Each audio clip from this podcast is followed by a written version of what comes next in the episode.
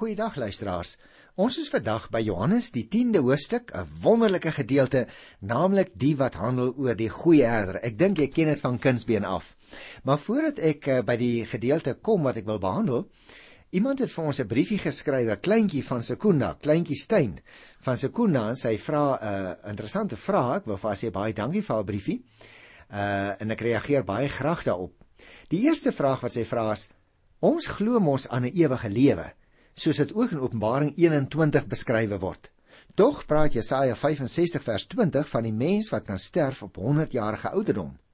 Johannes 11 vers 26 sê en nou al sê aan: Elkeen wat lewe en in my glo, sal in alle ewigheid nooit sterwe nie. En nou vra sy hierdie vraag: Hoe kan ons Jesaja 65 verstaan? Ek sou sê, kleintjie, daar is 'n uh, in eerste plek 'n uh, tekste wat 'n uh, bietjie duideliker praat oor die ewige lewe. Ek gee dit sommer vir jou. Ek weet jy sal 'n pen by jou hê. Johannes 10 vers 28 sê: "Julle is in my hand, niemand sal julle uit my hand ruk nie en ek gee julle die ewige lewe." 'n Ander interessante baie duidelike uitspraak oor die ewige lewe is 1 Johannes 5 vers 13. Daar staan: Ek het hierdie dinge aan julle geskrywe aan julle wat nie seun van God glo, sodat julle kan weet dat julle die ewige lewe het, julle wat nie seun van God glo. Nou ja, as ons nou 'n uh, Ou Testamentiese verwysing het, nê, Jesaja 65 vers 20, dan sou ek dit wou sê in die nuwe bedeling, dit wou sê die sogenaamde messiaanse tyd waarvan Jesaja hier praat, word 'n voorstelling gegee van die nuwe hemel en die nuwe aarde.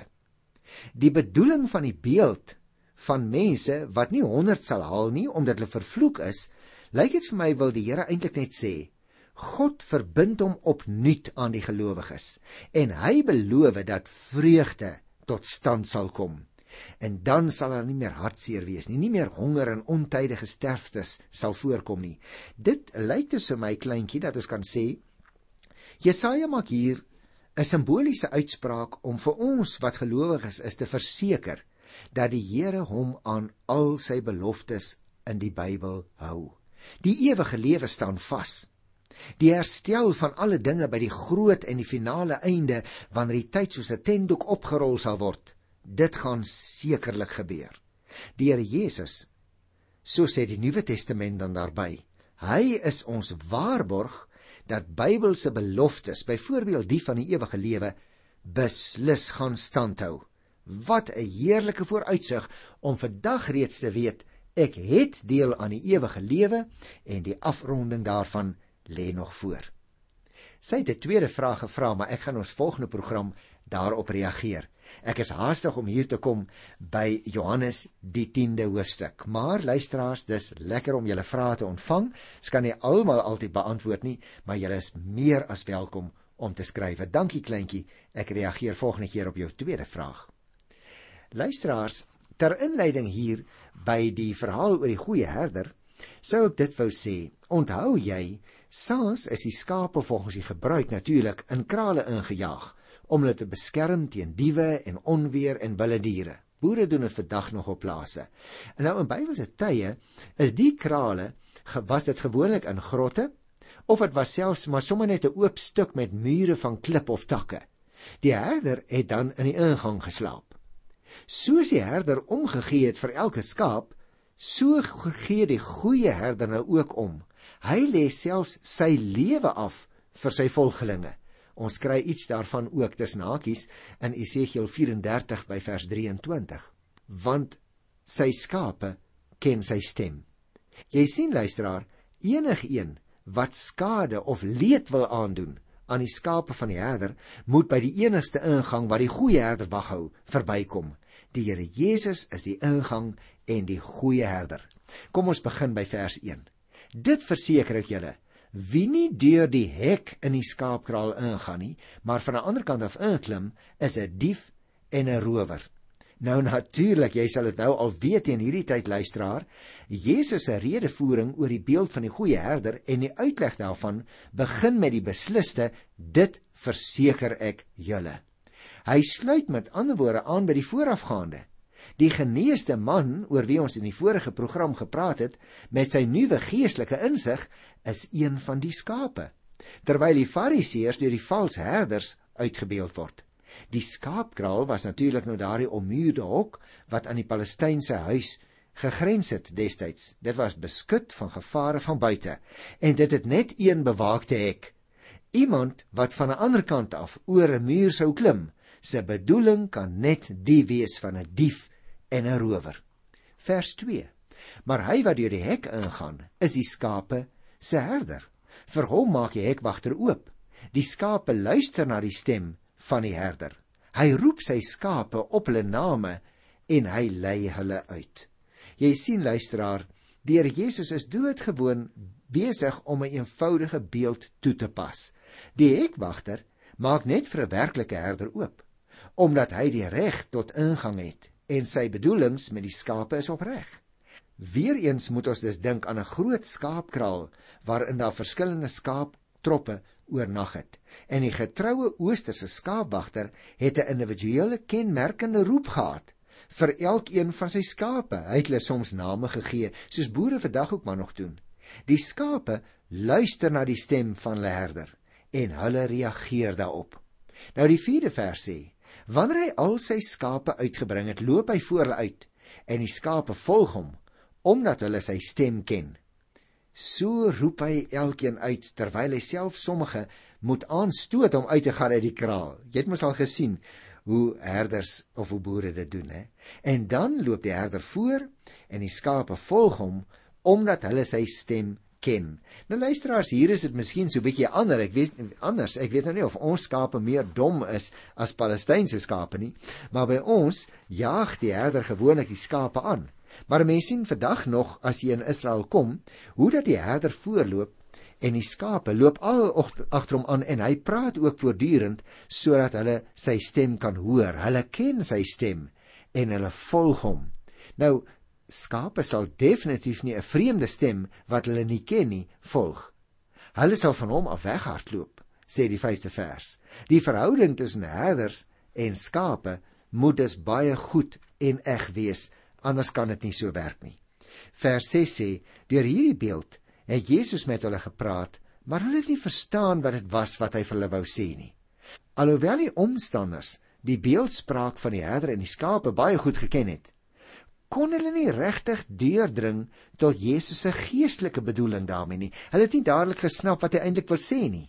En daarom kom ons luister nou van vers 7 af. Toe het Jesus verder gesê: "Dit verseker ek julle, ek is die ingang vir die skape Jesus pas nou die beeld wat hy gebruik het op tweeërlei maniere toe, naamlik die herder en die hek van die skaapkraal. Dit pas hy op homself toe. Ek is die ingang vir die skape. Jy sien daar is net een ingang vir die skape, naamlik Jesus. Hy voorsien die ingang, net soos hy ook die leer vir ingang na die hemel toe aan mense verkondig het. Gaan lees weer Hoofstuk 1 by die 51ste vers. En hy is ook daarby gaan ons nog kom Hoofstuk 14 vers 6. Ek is die weg en die waarheid en lewe. Nou dit is een van die bekende sewe sogenaamde Johannese uitsprake. Ek is die goeie herder. Ek is die ingang vir die skape. Vers 8 sê: Almal wat voor my gekom het, is diewe en rowers, maar die skape het nie na hulle geluister nie. Nou wie sou hierdie almal wat voor my gekom het tog wees? Natuurlik luisteraars, dit dui onmiddellik op die Joodse godsdienstige leiers, want hulle het nie omgegee vir die skape van Israel nie, maar hulle het net hulle eie voordeel gesoek. Die eerste persoon wat sy skape in die oggend vroeg besoek, is natuurlik die herder. Die wat voor hom daar was in die oggend, hulle is net diewe en rowers. Die godsdienstige leiers weier om deur die een ingang Christus na God toe te gaan en daarom is hulle bedrieërs. Die werklike skape wil nie na hulle luister nie.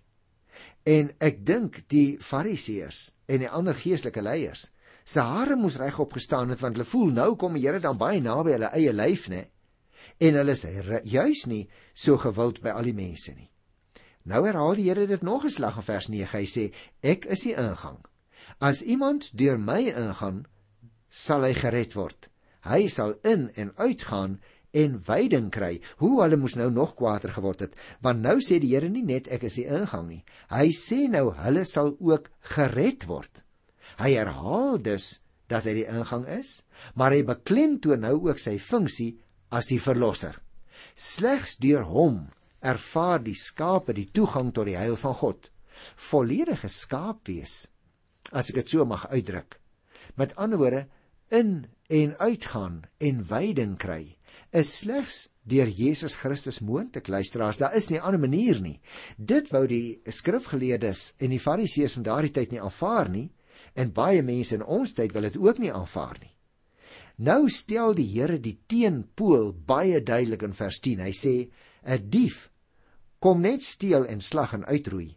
Ek het gekom sodat hulle die lewe kan hê en dit in oorvloed Met ander woorde teenoor die dief wie se bedoeling selfsugtig is, hy wil steel en slag en uitroei, het Jesus gekom sodat die skape wat God vir hom gee, die lewe kan hê en dit in oorvloed. Ek wil hierdie teks baie duidelik onderstreep hier in Johannes 10 vers 10 luisteraars. Want die Here Jesus het gekom, so sê hy, sodat ons die lewe kan hê en dit in oorvloed. Met ander woorde, die geestelike lewe wat ons ontdek by Jesus Christus die goeie herder, dit is lewe in oorvloed. Luister arme tog nie verder as jy dalk geestelik maar en 'n uitgeteerde skapie is, moenie verder so lewe nie. Eis dit wat die Here Jesus vir jou gee op in die geloof. Aanvaar dit in die geloof.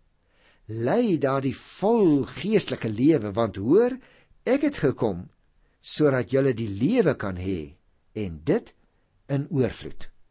Kom ons gaan verder by vers 11. Ek is die goeie herder. Die goeie herder lê sy lewe af vir die skape.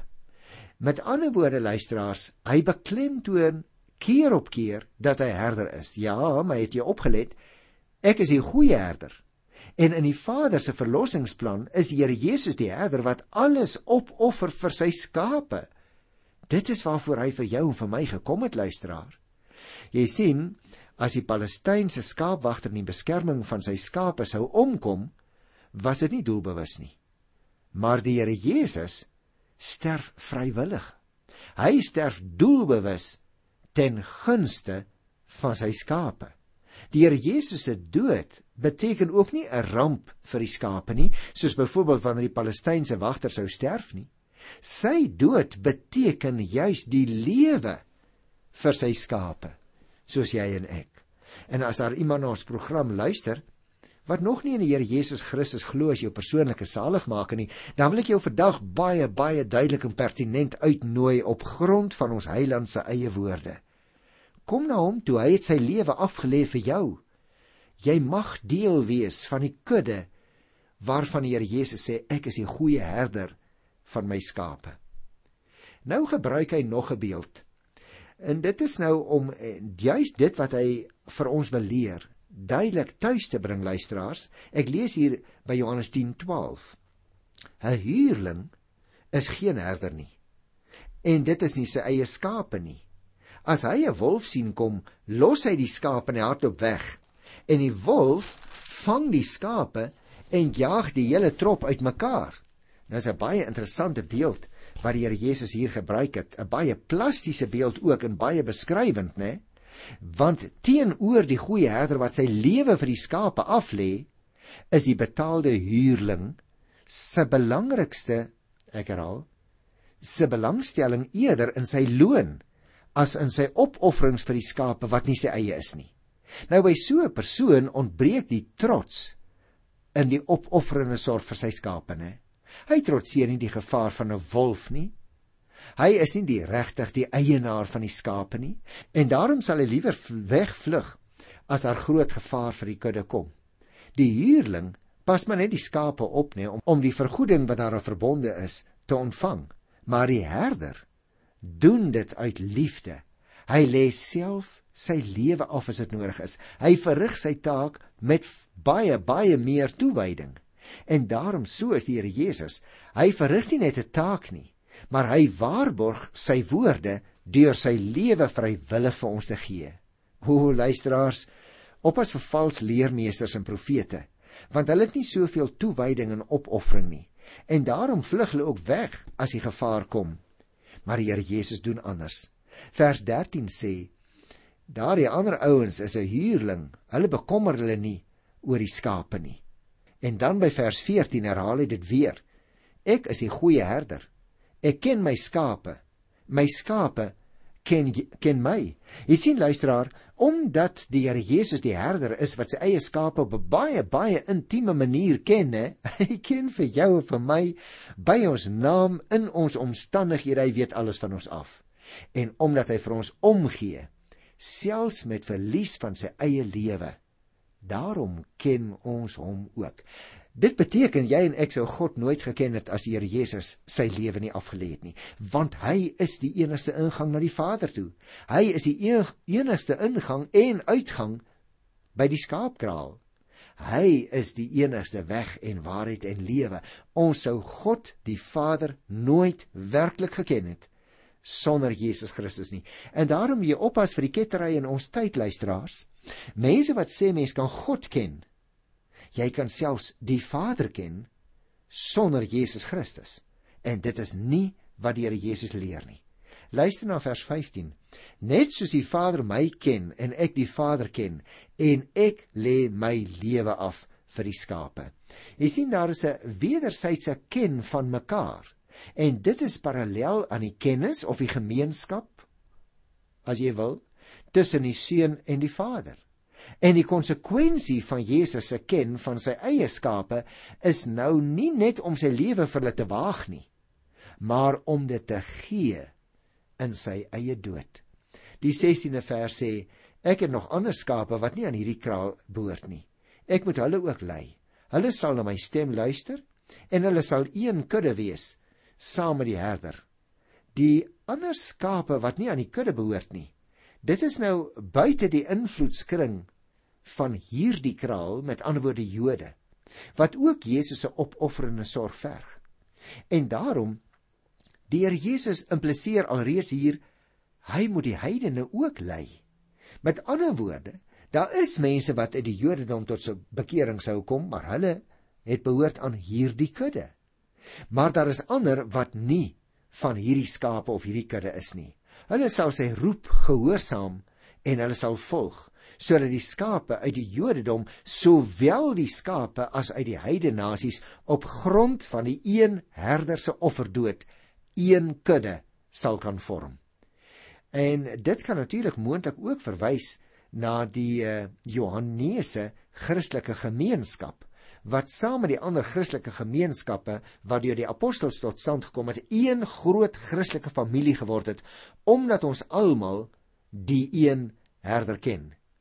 En daarom luisteraars moet ons dadelik hierin sien hoe dat die Here Jesus weier kyk as net sy eie disippels wat in hom glo. Hy kyk ook na die Jode want hulle is ook deel van die kudde maar het nog nie ingekom nie. Maar hy kyk ook na die heidene nasies wat nie aan hierdie kudde met ander woorde aan die Joodse gemeenskap van destyds behoort het nie. En dan kom ons hier by vers 17 en 18.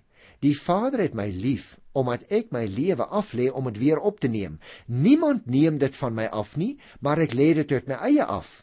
Ek het die volmag om dit af te lê en ek het die volmag om dit weer op te neem. Dit is die opdrag wat ek van my Vader ontvang het. En hier het ons 'n baie belangrike uitspraak in die Bybel, luisteraars, want mense dink soms die Here Jesus was die slagoffer van omstandighede. O nee, dis nie waar nie. Hy lê sy lewe vrywillig af. Hy lê dit uit homself af. Hy sê uit my eie lê ek my lewe af. Ek het volmag om dit af te lê en ek het volmag om dit weer op te neem. Met ander woorde luisteraars, die Here Jesus verwys nou alreeds nie net na sy dood nie, maar ook na sy opstanding. Hy kan weer sy lewe opneem sê hy. Wat alles deel is van God se plan van ewigheid af vir die verlossing van die hele wêreld. Is dit nie opvallend nie dat Johannes die klem so kragtig daarop stel dat Jesus vrywillig die offer gebring het, soos ek nou nou vir jou verduidelik het. Hy hoef dit nie te gedoen het nie, maar nou voeg hy iets by wat vir ons van groot belang is in hierdie verband.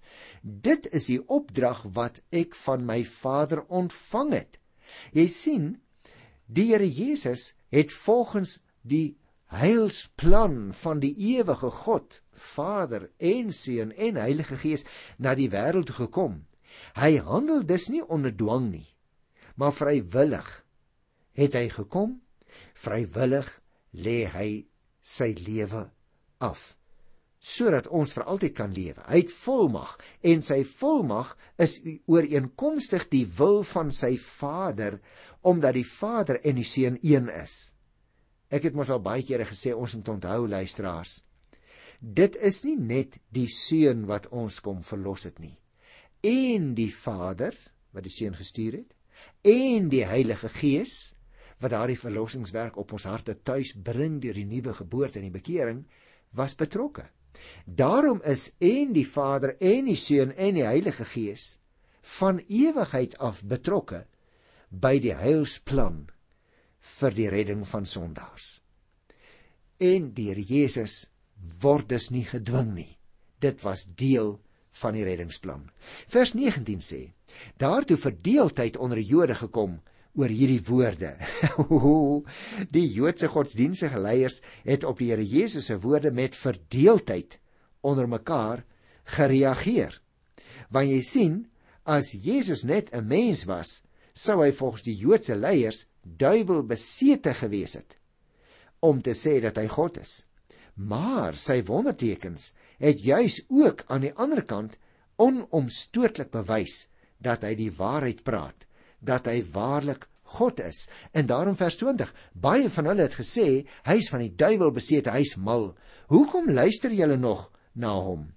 Partye raak selfs nou beledigend, né? Hulle sê hy is van die duiwel besete. Hoekom luister julle na hom? Hulle is besig om te sê ignoreer hierdie Jesus van Nasaret totaal en al. Hy's van die duiwel besete. Hoe kan hy sulke dinge sê? Met ander woorde luisteraars, toe die Here Jesus nou baie duidelik na vore tree en sê ek is die goeie herder. Ek is die enigste een wat gekom het wat die ingang is vir die skape. Julle kan nie by die Vader kom nie op 'n ander manier nie as behalwe deur my in te gaan of uit te gaan uit die kraal. Julle kan nie op 'n ander manier gered word nie. Nou reageer die Fariseërs geweldig sterk. Nou praat hulle nie net meer agteraf met die mense nie. Hier staan daar het verdeeldheid gekom onder Jode oor hierdie woorde. Met ander woorde, hulle het onder mekaar getwis, maar verder nog, dit het nie net daar gebly nie. Hulle het dit uitgeslinger, hulle het dit as dit ware uitgegiet oor die ander mense. Want die 20ste vers sê baie van hulle het gesê hy is van die duiwel besete. Met ander woorde, net soos ons agtergekom het in Matteus daar by die 10de hoofstuk, die sonde teen die Heilige Gees. So skryf hierdie Jode nou ook die optrede van die Here Jesus toe as sou hy uit die krag van die duiwel optree. Hulle sê blaatant vir die mense, hy is van die duiwel besete, hy is mal. Hoekom luister julle nog na hom? En luisteraars, miskien in ons tyd kom hierdie siening dat Jesus nie werklik die Christus is nie. Dat hy nie regtig die een is wat sou kom nie. Dit kom ook in ons tyd na vore maar net op 'n meer geraffineerde manier. Mense se styl is vandag, en ongelukkig sommige teoloë het hier aan deel, om vraagtekens te stel agter die identiteit van Here Jesus, agter dit wat hy kom doen het vir sondaars, terwyl die Jode al daarmee begin het in sy eie tyd. Dit nogal nadat die Here Jesus gesê het wie hy is. Daar was nog 'n groep ander het gesê in vers 21, dit is nie die woorde van 'n besete nie. 'n Duiwel kan tog nie blindes se oë genees nie. En luisteraars, ek glo jy is ook in hierdie groep. Hierdie groep wat sê maar iemand wat hierdie dinge doen wat Jesus doen, hy kan nie van die duiwel besete wees nie.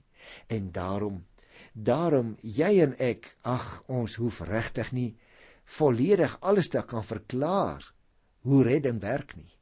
Ons kan dit maar net bely omdat ons deel het daaraan en ons kan hartstogtelik ernstig daaroor wees. Iemand wat die dinge doen wat Jesus gedoen het, kan tog nie van die duiwel besete wees nie. En daarom bely jy en ek hom onvoorwaardelik as die ingang, as die goeie herder.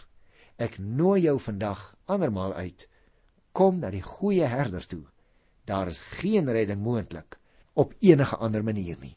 En daarom was ons luisteraar wat die vraag gevra het, kleintjie Stein, was reg. Hy gee vir ons die ewige lewe. Tot volgende keer. Totsiens.